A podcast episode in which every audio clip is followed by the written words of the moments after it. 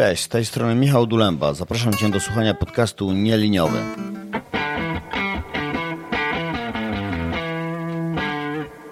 Będziemy tu rozmawiać o machine learning, programowaniu i zarządzaniu projektami korzystającymi ze sztucznej inteligencji.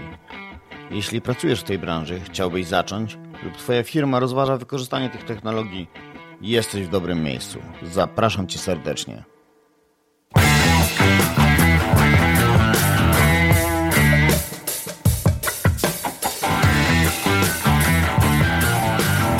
Cześć, dzisiaj porozmawiam z Sebastianem Kondrackim, który ma bardzo ciekawą rolę, Chief Innovation Officer w firmie Divinity. Cześć Sebastianie. E, cześć, witam serdecznie. Kiedyś mówiło się witam serdecznie radiosłuchaczy i chciałem to powiedzieć. Podcast to słuchaczy brzmi trochę śmiesznie, ale chyba tak można było ich nazwać. Sieciosłuchaczy. Tak, sieciosłuchaczy. Poznaliśmy się dzięki wspólnemu znajomemu, Marcinowi Żmigierskiemu, którego myślę, że możemy teraz e, pozdrowić i pomachać do niego z anteny. E, tak sobie myślę, że zaczniemy od tego, co robisz Chief Innovation Officer, bo to brzmi naprawdę bardzo ciekawie i imponująco, więc zacznijmy od opowieści na temat tej roli.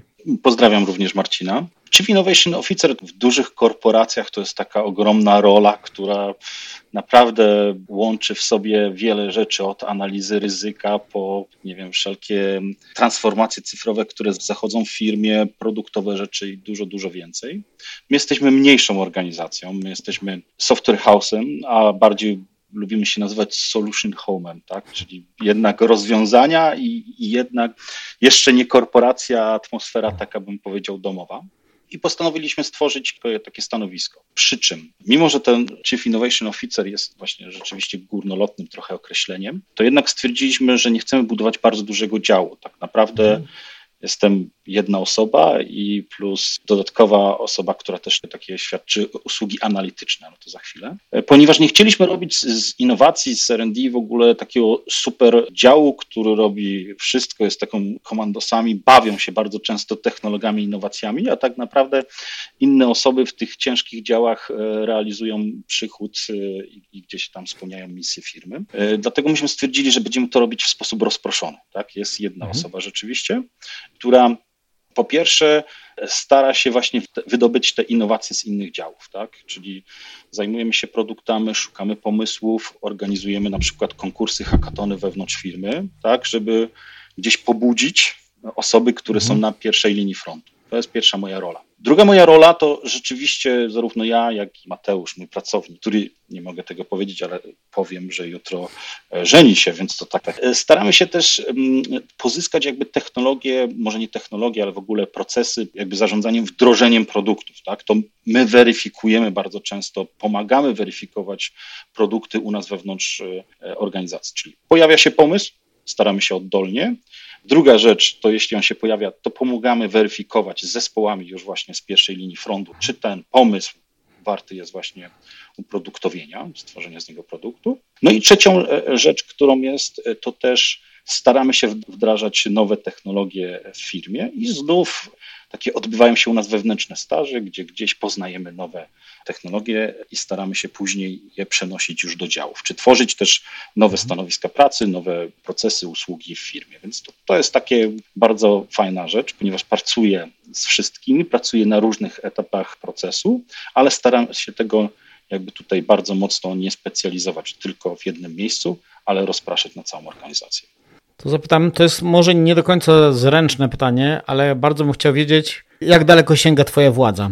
Chodzi mi o to, czy Ostatnio pisałem o tym, że często umocowanie tego typu pomysłów jest kluczowe, czyli to, że wymyśli ktoś to tam gdzieś na samym e, dole, to może się przyjmie, może się nie przyjmie, może on dostanie te dane, może nie, może jego pomysł zostanie zrealizowany lub nie. Natomiast jeżeli to wsparcie sięga gdzieś tam odpowiednio wysoko, to sprawy często pierwsze są łatwiejsze, po drugie nabierają większego tempa i koloru umocowaniu, taka polityka bym powiedział. Wiesz co, no rzeczywiście gdzieś jestem bezpośrednio pod zarządem, więc to ułatwia rzeczywiście pracę, ale z drugiej strony bardziej wolę taką tworzyć rzeczywiście politykę, gdzie wszyscy czują tą, tą może nie wartość moją, ale tą pomoc, tak? I, i mhm. przez to sobie e, realizować takie, bym powiedział, merytoryczne układy.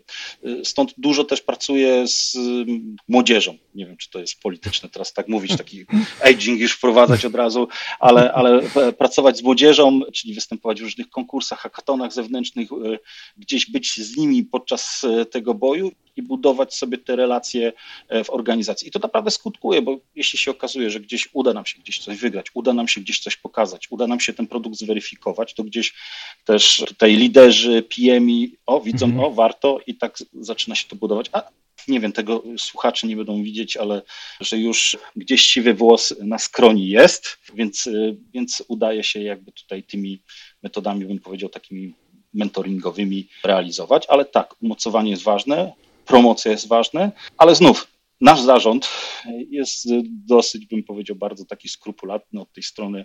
Pokaż mi w ogóle, że to będzie działać, pokaż mi, że jest potrzeba na to, tak? Pokaż mi klientów, więc no to też trzeba się napracować, tak bym powiedział, produktowo. To może dojdziemy do tego za chwilę, bo to ma działać przy AI jest śmiałym tematem do dyskusji, ale zacznijmy może od tego, bo wspomniałeś o hackatonach. Jestem bardzo ciekaw wszelkich takich gamingowych tematów wewnątrz firmy czy na zewnątrz, bo one z jednej strony część ludzi mówi, ech, nie będę programował za darmo, albo siedział w śpiworze w sali gimnastycznej dwie doby za, nie wiem, tysiąc złotych, albo tam podkładkę pod myszkę, nie daj Boże. A z drugiej strony one czasami jak poczytać różne ciekawe historie, to zaczynają się i startupy różne bardzo ciekawe i ludzie, którzy później zakładają wielkie biznesy też się spotykają w takich miejscach, więc to ma takie dwie twarze.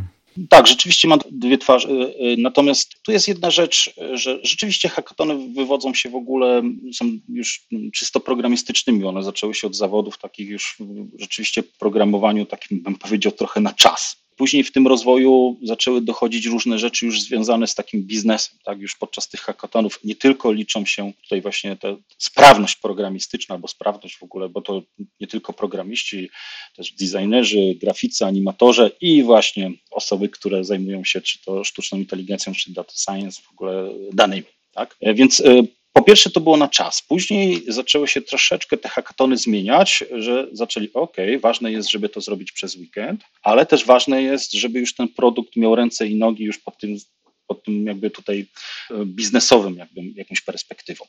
Więc to trochę się zmieniło i to są z jednej strony dla mnie, ja to nazywam informatyką ekstremalną. Nawet e, nasz wspólny znajomy, który, od, od, od którego rozpocząłeś tutaj rozmowę, on uknął taką definicję projektów ekstremalnych, tak? I ja idę trochę dalej informatyki ekstremalnej.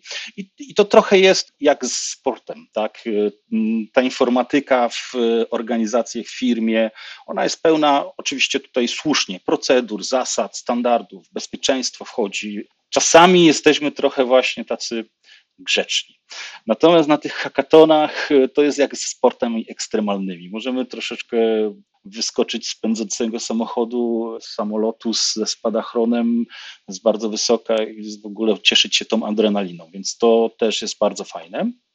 I tu, jak powiedziałem, my wewnętrznie bardzo mocno tu promujemy właśnie te hakatony, pracujemy z młodszymi pracownikami, bardzo często osoby młode, które przychodzą, jeszcze nie mają takiego doświadczenia powiedział, e, biznesowego, chętnie biorą udział w takich hackatonach, ze względu na to, że można dość szybko pokazać pewne umiejętności. Nie tylko te twarde, bym powiedział, informatyczne, programistyczne, ale tak jak powiedziałem, biznesowe. Tą śmiałość taką, którą no, też w niektórych metodykach właśnie zarządzania jest bardzo ważna, bardzo wysoko ta śmiałość, żeby czasem pokazać tutaj swoje te umiejętności. Więc hackatony tak. Natomiast z racji już w ogóle Twojego podcastu jest ważny ten element właśnie AI-owy, machine learningowy, tak, że nagle okazało się, że my na tych hackathonach no, dostajemy bardzo mocną przewagę konkurencyjną, kiedy zaczynamy pokazywać jakieś, czy to klasyfikatory, czy to jakieś właśnie już bawienie się obrazem.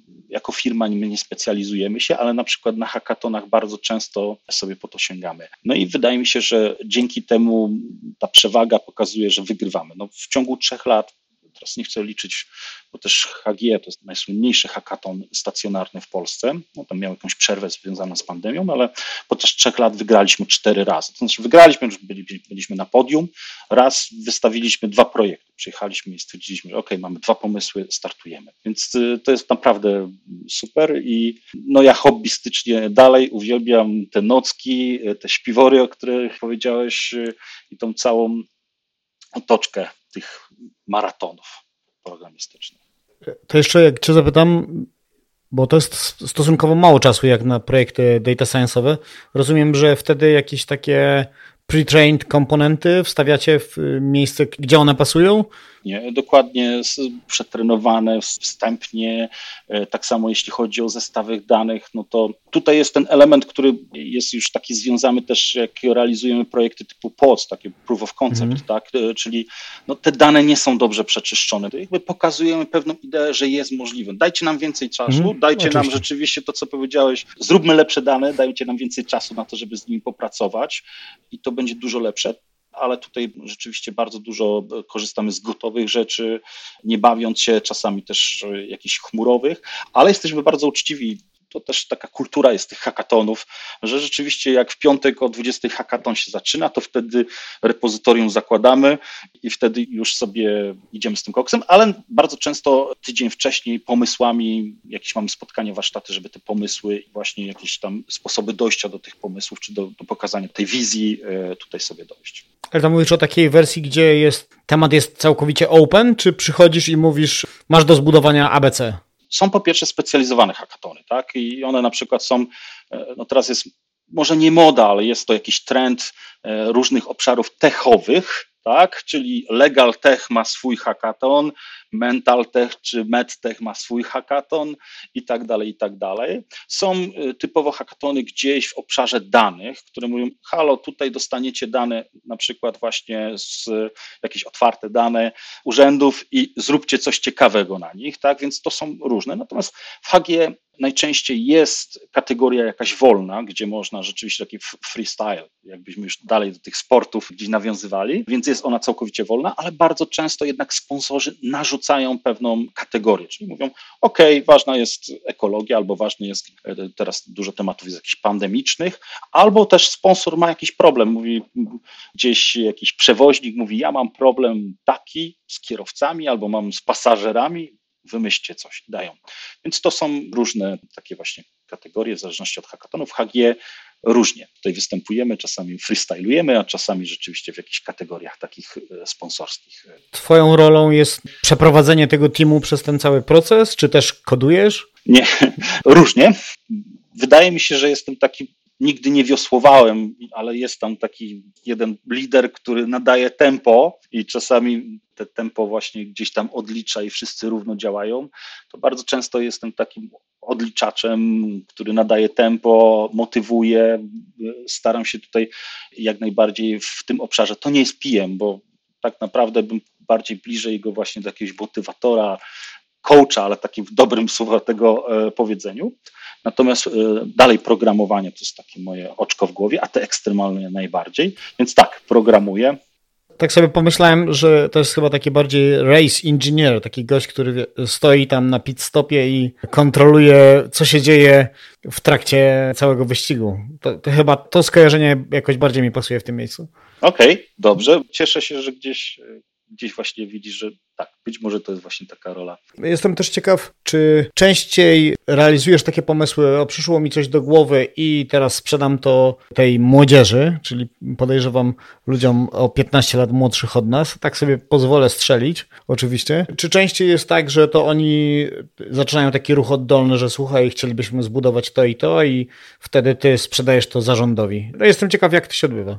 Też bardzo dużo jakby pomysłów wychodzi od klientów klienci, użytkownicy docelowi to jest też ważny element. Natomiast rzeczywiście bym powiedział, w moim przypadku to jest rzeczywiście słuchanie klientów. Gdzieś dość łatwo łapię kontakt z klientem i też mogę trochę dłużej niż analityk porozmawiać o ich problemach, tu stricte problemach biznesowych i tak naprawdę mi jest łatwiej trochę zaproponować im jakieś rozwiązanie, przez to, że właśnie to doświadczenie było i, i też gdzieś u mnie jest taka ciekawość, że skakałem po różnych obszarach biznesowych słucham dużo klientów i, i, i, gdzieś tam łączę kropki, więc te pomysły to jest gdzieś bardziej problemy naszych klientów. Natomiast rzeczywiście w tej młodzieży to y, staramy się tutaj właśnie, zorganizowaliśmy dwa hakatony wewnętrzne już takie, gdzieś już takie typowo nieprogramistyczne, a bardziej bym powiedział właśnie kreatywne. I kilka rzeczy były bardzo fajnych, ciekawych, które rzeczywiście my nie skomercjalizowaliśmy, ponieważ pomysł był na tyle trudny, to był jeden z pomysłów fintechowych takich, że sami byśmy nie zrealizowali. Mamy choćby też takich umocowań, bym powiedział, e, finansowych, pośrednictwa finansowego, KNF-u i innych, ale rzeczywiście sprzedaliśmy, w cudzysłowie, ten pomysł klientowi, który mamy nadzieję, że gdzieś zrealizuje. Ta młodzież też rzeczywiście generuje, ale tam jest ta kreatywność troszeczkę inna. Oni bardzo często wymyślają produkty dla siebie. Mówią, o fajnie by tak było, żeby gdzieś zapłacić komórką w taki sposób, a nie inny. Tu, tam były wykorzystanie QR-kodów i, i różnych innych rzeczy. Ja natomiast bardziej tu właśnie słucham klientów, e, rozmawiam i, i stąd się rodzą ten pomysł. Bym powiedział pół na pół, tak, jest to realizowane. Pełnisz też jeszcze ciekawą rolę. Wspierasz państwowe organizacje. Nie, nie wszyscy lubią, kiedy mówi się o rządowych. Państwowe organizacje, jeśli chodzi o budowę takiej świadomości AI wewnątrz państwowych instytucji. Nie jestem pewien dokładnie, jaka jest ta rola. To jest funkcja pro bono i to jest bardzo ekspercki taki forum, mimo że one rzeczywiście jest blisko KPRM-u. E, tutaj bezpłatnie świadczę te usługi. I teraz to rzeczywiście to jest grupa robocza, ona się tak, my ją w skrócie nazywamy GRAI, ale to jest taka grupa robocza do spraw sztucznej inteligencji. E, ja jestem w podgrupie, w sekcji do spraw badań innowacyjności wdrożeń. I teraz e, co ona robi? To jest właśnie taki forum ekspertów różnych, bo tam są i przedstawiciele firm technologicznych. Ja na przykład jestem tutaj z ramienia IT Cornera, to jest takie stowarzyszenie firm technologicznych w Polsce, chyba jedne z największych albo największe. Też są firmy, takie duże big techy polskie, bym powiedział, czy telekomunikacyjne.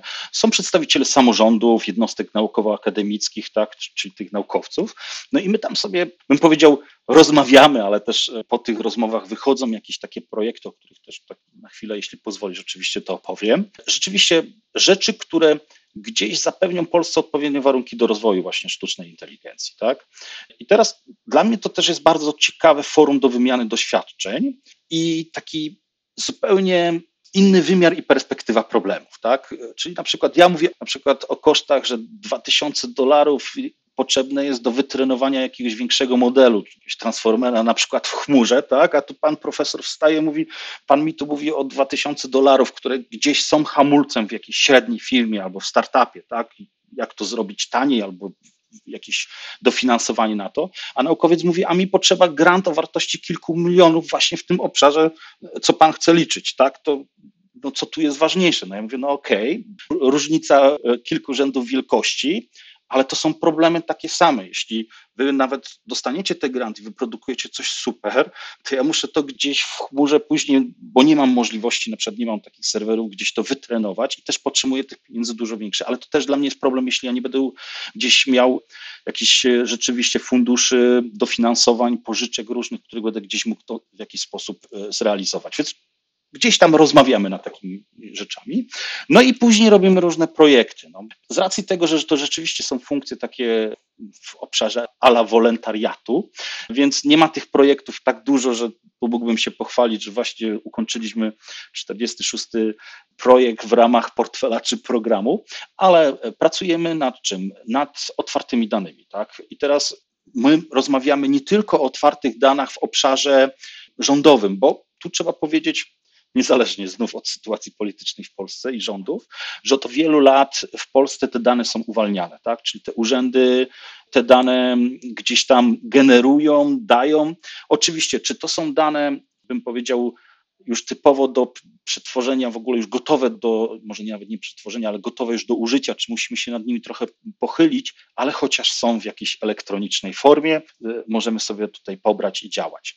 I to nie tylko w Polsce, ale też Unia bardzo fajnie nad tym pracuje. Natomiast mi chodzi o też o otwartości danych y, na poziomie biznesu, tak? Y, czyli dlaczego by nie nagle jakiś sklep OK, rozumiem wrażliwość danych, czy o klientach, czy o jakichś e, finansowych rzeczach, no to trudno tutaj zamieniać i otwierać je, ale na przykład jakieś zestawy zdjęć, tak, już z całym opisem, albo w ogóle zestawy w ogóle te słynne feedy produktowe, które OK, są bardzo tajne, a tam jest masa opisów, tam jest masa parametrów. Myślę, że jeśli by firmy otworzyły takie, takie dane, to wtedy dostalibyśmy masę świetnych, przetrenowanych modeli, które, nie wiem, na, za pomocą e, danych parametrów technicznych produktów zamienią nam na przykład na potrzeby czy wymagania klientów. To w Twoim podcaście kilkakrotnie nabijałeś się z botów, e, przepraszam za słowo nabijałeś się, ale tutaj pokazywałeś różne Twoje przygody z botami, tak? Gdzie na przykład, e, chyba dawałeś przykład samochodu osobowego i bagażnika, jeśli dobrze pamiętam. Gdyby wszystkie salony samochodowe wystawiły te dane nie w, w PDF-ach, które my musimy bardzo mocno obrobić i one są nieustrukturyzowane, ale rzeczywiście w jakiejś formie ustrukturyzowane wraz z zdjęciami, wraz z parametrami technicznymi w sposób, który dałoby się, myślę, że dużo by było rozwiązań, które oni by wykorzystali, tak, by powiedzieli, ok, super jest. Wydaje mi się, że na przykład Zalando, ja nie jestem powiązany w ogóle z Zalando, ale mówię o Zalando Laboratorium, nagle wystawiło cały zestaw zdjęć swoich, od takich modowych do na przykład tworzenia takich rozwiązań ala rozpoznawanie, nie wiem, kto jest w co ubrany na zdjęciu jakiejś celebryty. I to jest właśnie świetne. No i takim projektem właśnie zajmujemy się w GRAI. Badamy, na ile firmy e, są gotowe, żeby udostępnić swoje dane, na ile nie, co by ich przekonało, żeby to udostępniać, tak? Bo może powinny być, oczywiście tu już naprawdę pojadę teraz takim science fiction, nie wiem, jakimś upust podatkowy, kiedy ja udostępniam dane dla innych osób.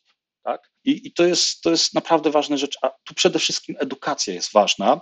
Ja czasami organizuję też, to znaczy nie jestem takim szkoleniowcem, który, nie wiem, publikuje płatne swoje szkolenia, które są, ale jak nawet robię jakieś szkolenie, czy wewnętrzne, czy zewnętrzne, to ja mam problem właśnie z danymi, tak? Z danymi takimi, żebyśmy mogli sobie pokazać różne rzeczy i to by było też ten wątek edukacyjny, jeśli chodzi o dane. No, otwierajmy te dane. Jeśli one nie mają właśnie danych osobowych, nie mają danych wrażliwych, finansowych, to dlaczego by się nie dzielić?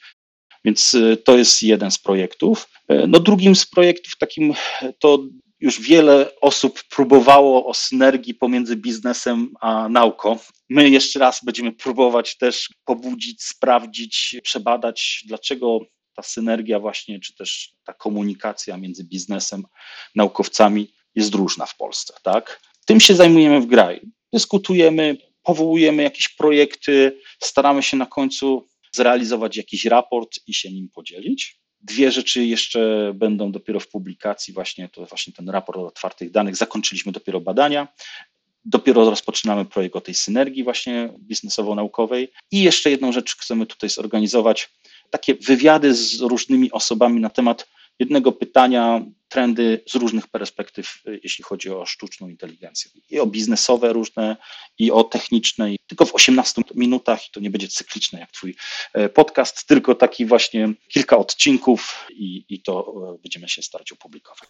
Może przejdźmy do kolejnego wątku, którym jest Twoja książka. Tutaj zapowiem, Sebastian napisał e, wielką książkę na temat e-commerce i AI. Oczywiście zaraz Cię wypytam dla kogo i co tam w niej można ciekawego znaleźć, ale najpierw zapytam skąd ten pomysł i jak się do tego zabrałeś? Co Ci przyświecało przy pisaniu tego tytułu? Jeśli chodzi o pomysł, od pewnego czasu, też, żeby była jasność, nie, nie było to może dziesiątki próśb, ale rzeczywiście kilka razy osoby, ja bym powiedział, z mniejszych, niezależnych sklepów czy e-sklepów, prosiłem je, czyli to były sklepy, powiedział, niezależne, czyli nie żadna sieciówka, korporacje, ale też o takim, bym powiedział, zasięgu znacznym. Dział IT to był, nie wiem, dwa, trzy, cztery osoby, plus gdzieś jakiś gotowy silnik e-commerce'owy, to będzie Magento na przykład. I zaczęło mnie prosić, mówię, słuchaj, zrób jakieś prezentacje na, na temat właśnie sztucznej inteligencji, wykorzystania w, w e-commerce. Coraz więcej my dostajemy ofert już od gotowych, czy to jakichś startupów, czy firm e, technologicznych, które mówią, OK, to my wam wdrożymy silnik rekomendacyjny w dwa dni w ogóle i tak dalej, i tak dalej. Nawet to są czarne skrzynki, my nie wiemy, jak to działa, my nie wiemy nawet o co pytać, więc e, po prostu opowiedz nam po kolei, gdzie, jak to można wykorzystać. Więc e, zrobiłem takich kilka prezentacji i powiem szczerze, znów wracam do tego słuchania klientów, okazało się, że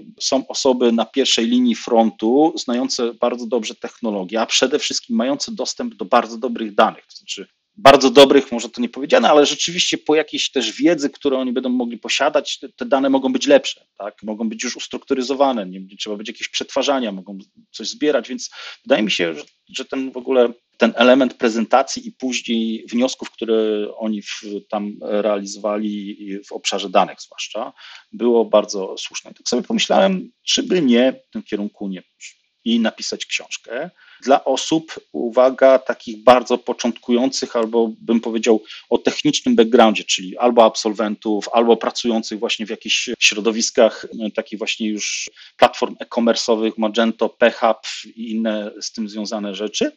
I teraz, żeby z jednej strony ta książka jest po to, że jak zaczną te big techy do nich z różnymi rozwiązaniami gotowymi, to żeby oni mogli z nimi rozmawiać jak równy z równym, chociaż pod tym względem wymagań i, i możliwości, które mogą być, że mogą nawet jeśli jeszcze nie teraz jest, to już mogą jakąś strategię danych już zbierać, żeby się przygotowywać do, do pewnych rzeczy.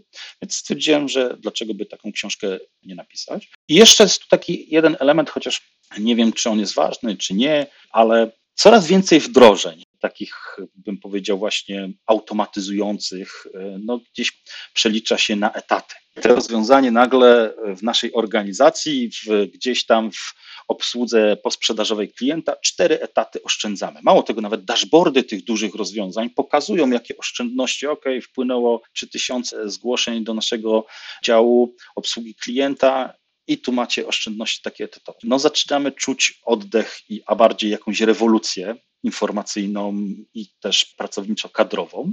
Różne badania mówią, że gdzieś rzeczywiście 80 milionów stanowisk pracy utracimy, ale 130 milionów, 120 milionów stanowisk nowych się pojawi, różnych z przetwarzaniem danych, czy właśnie już z jakimiś rzeczami. Więc tak stwierdziłem, że taka książka to taki będzie malutki wkład w tą transformację, tak? Malutki wkład w ewangelizację w ogóle e, osób. Bardzo często pamiętajmy, że właściciele tych sklepów niezależnych, które naprawdę rzeczywiście to są wiodące sklepy, które nie wiem, sprzedają też na Facebooku, które w ogóle to są, nie wiem, właściciele hurtowni takiego offline'owej sprzedaży. Łącząc te dwie rzeczy, czyli rozmowę z klientami naszymi, że jest takie zapotrzebowanie i z drugiej strony, żeby taki właśnie dołożyć się do tej transformacji cyfrowej właśnie i przygotowanie się do takiego stwierdziłem, że napiszę taką książkę od zera do milionera w e-commerce i udało się ją dokończyć, udało się ją wydać. Natomiast y, czy udało się osiągnąć cele i, i gdzieś to jeszcze zobaczymy, ponieważ dopiero przedsprzedaż ruszyła kilka dni temu. Tak jak powiedziałem, bardzo od początku, bo i, i tam podstawy Pythona są, i są podstawy przetwarzania danych, i są już później takie algorytmy, bo praktyczne, od jakichś systemów właśnie klasyfikacji po sprzedaży albo tutaj e, elementów takich, które są właśnie w sklepie bardzo często, kiedy ktoś narzeka, gdzie moja paczka i ktoś powinien szybko zareagować, a najlepiej sklasyfikować to wcześniej, żeby do odpowiedniego działu to rzucić. Po jakieś systemy rekomendacji trochę tam pokazałem różne grafowe rzeczy, ale też nie wchodziłem bardzo mocno, bo to, to jest naprawdę temat. Chciałem po prostu pobudzić, zainteresować i być może właśnie gdzieś tam ktoś podejmie decyzję, ok, zacznę gdzieś tam iść w tym kierunku, albo ok, już wiem teraz jak to działa i jeśli ktoś zacznie mi oferować różne rzeczy, albo wpadniemy na jakiś pomysł, no to wiemy chociaż gdzie i w którym kierunku podążać. Jak sobie poradziłeś z tak zwaną klątwą wiedzy? Czy to, co ja wrzucam do tej książki, to już wszyscy to wiedzą, czy tylko ja to wiem i mi się wydaje, że to właściwie już jest wiedza powszechna? Jakby są dwa typy książek, tak bym powiedział, już takich technicznych, tak samo szkoleń i różnych rzeczy. Pierwsze to są takie książki, które z lotu ptaka pokazują tam wszystko po kolei, ale tak naprawdę tylko kawalątek, że tak powiem, tej wiedzy i pokazują, popatrz, to jest fajne, albo tak to możesz zrobić, a później jednak przekierują do Kagla, przekierują do już specjalistycznej literatury, gdzie tam są już naprawdę osoby, które no, gdzieś są jakimiś autorami pewnych algorytmów albo frameworków Pierwsza to jest tylko pokazanie z lotu ptaka i przekazanie pewnej takiej kultury, tak? i już zostawienie użytkownikowi później, w którą stronę on chce iść. Tak? On ma różne elementy i jak dalej. Więc to rzeczywiście nie jest taka specjalizowana, że tak powiem, książka, gdzie tutaj wszystko wchodzimy w bardzo mocne szczegóły, ale miałem bardzo duży problem, bo zaplanowałem sobie tą książkę początkowo na 350 stron, podzieliłem sobie dokładnie rozdziały, e, który co o czym i tam sobie bardzo metodycznie pisałem codziennie 6 tysięcy znaków czy 7 tysięcy znaków, tak żeby w 9 miesięcy urodzić tą pozycję.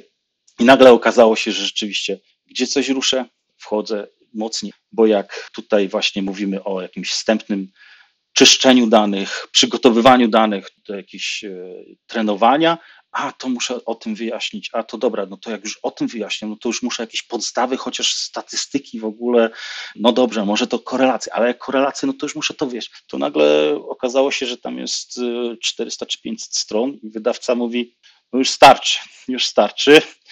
I, I rzeczywiście jeden czy półtora rozdziału musiałem zrezygnować e, z wielkim bólem. 500 stron to wydaje mi się, że na, na te czasy jest to taka pokaźna e, pozycja, co niestety też z powodu różnych problemów z papierem spowodowało, że będzie ta książka tylko czarno-biała. Wspomniałeś, że Magento i PHP. No to jestem tutaj trochę tak puszczam oko, ale jestem ciekaw, jak jak przekonujesz PHP-owców do Pythona i czy tam innych Javowców, bo tu jest zawsze taki, jest taki mem, w którym Godzilla walczy z King Kongiem. Jak myślę o tym, e, o tym zestawieniu, to prawie zawsze to jest pierwszy mem, który przychodzi mi do głowy. No, rzeczywiście tego doświadczenia u mnie jest dużo i teraz coś powiem, co naprawdę może się architektom nie spodobać, ale wydaje mi się, że gdzieś te języki programowania właśnie, czy Java, czy, czy ten, to ja to zawsze mówię jak, jak stolarz, nie wiem w ogóle, czy to stolarz używa jeszcze hebla, tak? ale dla mnie to jest ten hebel, tak? który oczywiście one są lepsze mm, czasami takiej firmy, innej firmy, czasami jest tam jakieś z boku coś, że mogę wyregulować. Często, jeśli stolarz ma jakieś zmysł w środku, nie wiem jaki, może i artystyczny, jeśli ma duże doświadczenie i rzeczywiście potrafi cuda z każdym narzędziem zrobić, to czy ten hebel jest w produkcji takiej, czy on ma tam takie, czy inne, to ma mniejsze znaczenie, bardziej ważniejsze jest tutaj ta merytoryka, podstawy jego, y, znajomość, nie wiem, e, elementów drzewa i wszystkich innych rzeczy, jakość też surowców. Na ten wynik końcowy, słuchanie klienta, tak, i terminowość i tak dalej, i tak dalej. Więc ja bardzo często te wszystkie walki y, wszystkich, wszystkich mm, różnych technologii to tak z przymrużeniem oka. Natomiast tutaj w tym wypadku wydaje mi się, że przy przejściu z, tej, z takiego programowania iteracyjnego bardzo często i wejście właśnie w ten świat przestrzeni, macierzy, to jest właśnie te, to jest ten przełączenie niż bardziej z, z PHP na Pythona na przykład. Na samym początku właśnie to było dla mnie, że czasami myślałem właśnie tak iteracyjnie, ok, a może by tak wiersz po wierszu sobie tu przetworzyć, tak? I długo na przykład sam sobie tak szczypałem się w ogóle, mówię, nie, nie, tak, trzeba jednak tak, tu gdzieś w pewnym momencie już zaskoczyłem. Więc wydaje mi się, że to nie chodzi czy PHP, czy, czy Python, bardziej właśnie chodzi o te przeskoczenie właśnie takiej tej pracy z wektorami, macierzami, przestrzenią trochę większą niż dwuwymiarową i to wszystko gdzieś zrozumienie, to to jest takie trudniejsze niż tylko przejście z jednej gramatyki na drugą. W trakcie pisania wspomniałeś kiedyś, że trafiłeś na platformę Tracardi i jeszcze, że badałeś GitHuba. To może poruszmy te wątki teraz w związku z książką. Czasu, kiedy już w ogóle napisałem książkę i pojawiłem się gdzieś w zapowiedziach, rzeczywiście coraz więcej osób na różnych konferencjach zgłasza się, że może coś ciekawego powiedzieć. Ja nie wiem, czy czasami mam coś ciekawego powiedzieć, więc e, do jednej z konferencji stwierdziłem, że poszukam jakiegoś e, fajnego tematu i właśnie tak sobie stwierdziłem, czy my mamy jakiś fajny polski produkt taki no, z dziedziny znów sztucznej inteligencji, czy jakiegoś deep learningu, uczenia maszynowego i tak dalej. Polski produkt eksportowy na jakiejś licencji takiej otwartej, tak? Czyli gdzieś, nie wiem, grupa albo fascynatów, albo właśnie firma stwierdziła, że zrobimy coś fajnego, wypuścimy to, każdy może to używać na wolnej licencji, a my sobie później będziemy pracować bardziej na supportach, wdrożeniach, jakichś takich konsultingu, tak, z tym związane, ale jednak produkt będzie całkowicie za darmo. No i rzeczywiście zaczęły ręcznie szukać sobie takich projektów. Powiem, znalazłem dwa e, projekty. Jeden właśnie to jest projekt Tracardi. To jest taki system klasy CDP, czyli taki Customer Data Platform, tak? czyli to jest taki CRM, bym powiedział, ale dla systemów, który ma w środku bardzo dużo przetwarzania danych, predykcji, estymacji, łączenia, wzbogacania, tak, że jeśli na przykład ma tylko IP, to potrafi na podstawie IP i nie wiem, e, daty godziny user agenta przeglądarki potrafi powiedzieć o kliencie więcej na przykład. E, więc to ma bardzo dużo elementów no-codu i pierwszy raz e, tak łatwo udawało mi się tam tworzyć takie dosyć skomplikowane potoki, tak? jak te dane mogą tam sobie realizować. To jest troszeczkę zbliżone, bym powiedział, nie wiem, czy miałeś przyjemność pracy z Kibaną, tak, która gdzieś tam to jest taki wizualizator e, do Elastika. Tam rzeczywiście tak fajnie wszystko sobie działa i można wizualizować. To, no, to Trakarki ma rzeczywiście dużo gdzieś takich podobieństw, e, ale właśnie z tym elementem właśnie takiego e, konfiguracji no-codowej właśnie tych przepływów. No, rewelacja bym powiedział. Znów, to nie jest kryptoreklama, bo to jest całkowicie na licencji otwartej, więc można sprzedawać własnym klientom całkowicie projekt za darmo. I trochę bym powiedział, przygotowując się do konferencji, bo postanowiłem na konferencji właśnie Pythonowej, bo on jest też całkowicie napisany w Pythonie, plus y, już teraz nie pamiętam, chyba w Reakcie jest y, front tam stworzony. Też z mikroserwisami, również na froncie, co jest ciekawe. No bardzo fajny ten projekt jest. Y, pobawiłem się dłużej nim, bo tak po pierwsze trochę go ob, od, obciążyłem wydajnościowo, czy on jest gotowy, mimo że jest na otwartej licencji, ale jest gotowy na przykład do jakichś takich dużych enterprise'owych rozwiązań, tak? Trochę też pobawiłem się, bym powiedział, tak w takim e-commerce'owym ujęciu, jak go można wykorzystać. No i to naprawdę rewelacja. Bym powiedział, że takie naprawdę rzucenie rękawicy dużą firmą technologiczną, bo teraz no, chyba i Microsoft w swoim 365 ma ten element CDP, taki i Adobe tam walczy, tam jest, jest ich kilku tych, tych liderów i tak sobie mówię, dobra, świetnie, wyszukałem dwa projekty, szukam dalej. No i no nie jest za dobrze.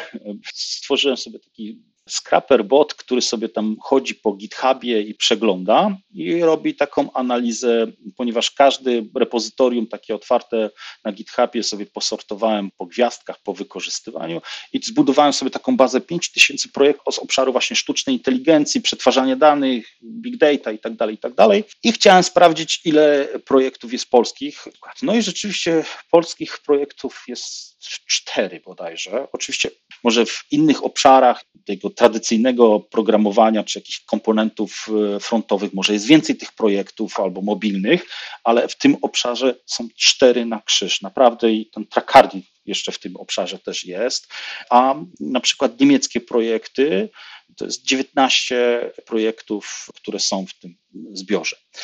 Oczywiście tu jest jedna rzecz, że ja badałem każdy projekt ma właściciela i ja sprawdzałem w ogóle tam lokalizację właściciela, bo jeszcze są osoby, które są, udzielają się w danym projekcie i to jest mój taki drugi, teraz staram się te badania rozszerzyć o to, żeby spojrzeć, bo być może dużo naszych programistów polskich, czyli nie firm, ale programistów czy stowarzyszeń, jednak, nie wiem, działa bardzo mocno w jakichś frameworkach słynnych AI-owych czy innych rzeczach, więc chciałbym to rozszerzyć trochę badania. Ale na razie, jeśli chodzi o firmy, które udostępniają duże jakieś systemy, albo firmy, albo stowarzyszenia, albo grupy osób, to są naprawdę trzy sztuki jeśli ktoś właśnie w Polsce ma jednak taki system, który gdzieś ten mój scraper nie znalazł, to warto by było, nie wiem, do mnie się zgłosić, bo chciałbym z tego zrobić jakiś artykuł albo cokolwiek, żeby pokazać, a wydaje mi się, że podobnie jak z otwartymi danymi, no, powinniśmy tutaj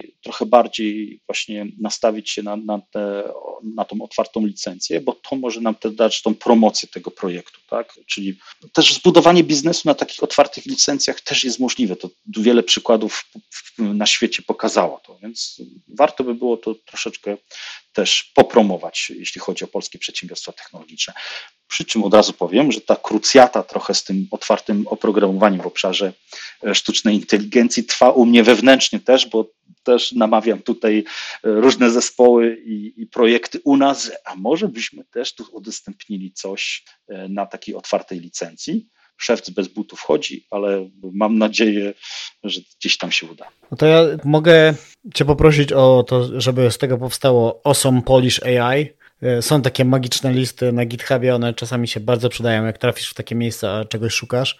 Jeśli oczywiście już opublikujesz to być może w jakimś innym, e, bardziej szacownym miejscu, ale taka lista na pewno była pomocna. Druga rzecz, która mi przyszła do głowy, to teraz będę miał podcast za kilka dni z Wojtkiem Kuberskim z Nani ML. Być może na nich nie trafiłeś, bo oni są, wydaje mi się, jakby siedziba główna jest w Portugalii, mimo że założyli ją Polacy, więc pewnie takie case'y też będą. No i też y, niektóre repo jest trudno znaleźć. Ostatnio to też mnie tak trochę rozbawiło, bo już wiedziałem dokładnie czego szukam, tego stylometrixu Ines, który był w jednym z poprzednich odcinków i też być może kwestia jakichś słów kluczowych czy filtrowania GitHuba bardzo nie chciało mnie nakierować na to repo. Dopiero gdzieś tam odnalazłem go w e, innej publikacji Ines i trafiłem na właściwy link. Zmierzam do tego, że być może jest odrobinę lepiej niż wyszło z takiego automatycznego testu, ale tak jak mówisz, to fajnie jest to promować i, i żebyśmy się też dowiadywali o takich rzeczach.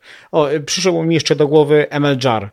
I tutaj zabawna historia jedna trzecia, może jedna czwarta naszej firmy mieści się w Indiach i tam jest też kilka osób, które robi AI. No i zupełnie niedawno jeden z nich, Rishi, pyta mnie, czy znam takiego gościa, który pisze MLJAR. Ja mówię, no tak się zupełnie śmiesznie składa, że tam dwa tygodnie wcześniej nagrywałem z nim odcinek. On mówi, no bo on napisał kiedyś takie narzędzie, takie AutoML i on jest bardzo popularny w Indiach no, to są takie rzeczy, które naprawdę trudno jest przewidzieć, że jakiś produkt z Polski przyjmie się w Indiach i że akurat tam zyska klientela.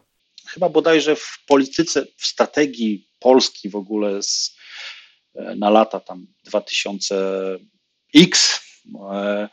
jest na przykład zestawienie słynnych Polaków, no, znaczy nie wiem, czy już można powiedzieć słynnych Polaków e, na świecie, którzy mają już duży wkład e, właśnie w rozwój sztucznej inteligencji, tak, i, i tam chyba trzy czy cztery nazwiska są oczywiście z ich publikacjami, z ich projektami, ale właśnie i to fajnie, że taka lista powstaje, chociaż też nie jest e, taka znaczna. Natomiast myślę, tylko znów tu przez słowo znaczna wydaje mi się, że tych Polaków jest więcej, tylko właśnie gdzieś trzeba by było w jakiś sposób, czy stowarzyszenia, czy taki właśnie podcast jak twój, jednak gdzieś wyciągać to i zrobić jakąś może być może wspólną akcję i właśnie tych wszystkich osób, gdzie naukowo gdzieś bardzo mocno są zaangażowani w rozwój AI i ten biznes, czy nie, osoby prywatne, które gdzieś coś robią i w postaci jakiegoś software'u gdzieś tam wystawiły, warto by było to stworzyć, taką mapę. Tak? No myślę, że tutaj trochę będę mógł pomóc, choć e, też zaskakuje mnie to, jak czasami to są odrębne bańki internetowe. Wspominałem już kiedyś o tym. Pierwsza taka, można powiedzieć, platforma, na której promuję podcast, to jest LinkedIn. No i wydawało mi się już, że powiedzmy ta ośmiornica e, różnych znajomych w branży AI się na tyle rozrosła, że jeżeli ktoś się tym zajmuje, to w miarę łatwo powinno się udać do niego dotrzeć ale co jakiś czas się okazuje, że są takie e, bańki zupełnie oderwane i dopiero jak poznam kogoś, to okazuje się, że tam, tam jest kolejna bańka ludzi, którzy robią zupełnie inną rzecz, o której ja nawet nie słyszałem, że jest taka poddziedzina w AI i tam jest znowu powiedzmy dziesiątki osób, które siedzi w tej, w tej branży, więc no nie jest to łatwe zadanie, zmapowanie takie, tak jak mówisz, znalezienie tych e, kluczowych ludzi dla AI w Polsce.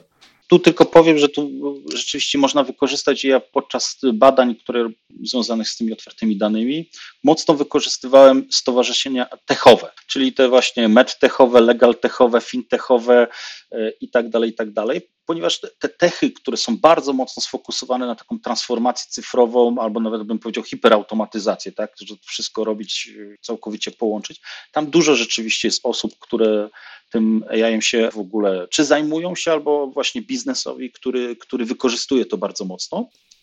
To myślę, że zmierzamy ku końcowi. Dziękuję Ci za te w sumie trzy takie zupełnie niby niezależne wątki, ale jednak łączące się w poprzek e, wykorzystaniem AI czy promocją AI w Polsce.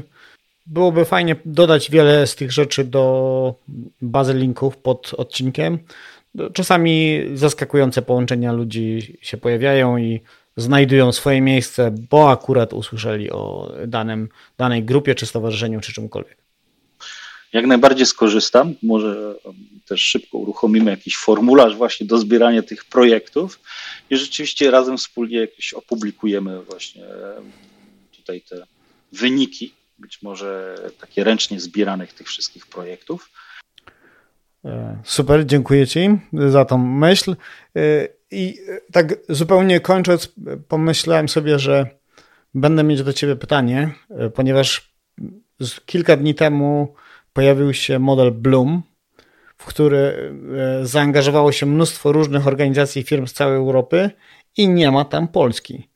I naprawdę mam nadzieję, że e, albo ktokolwiek z, e, ze słuchaczy podcastu, albo uda się nam dotrzeć do ludzi, którzy są w stanie na to jakoś wpłynąć.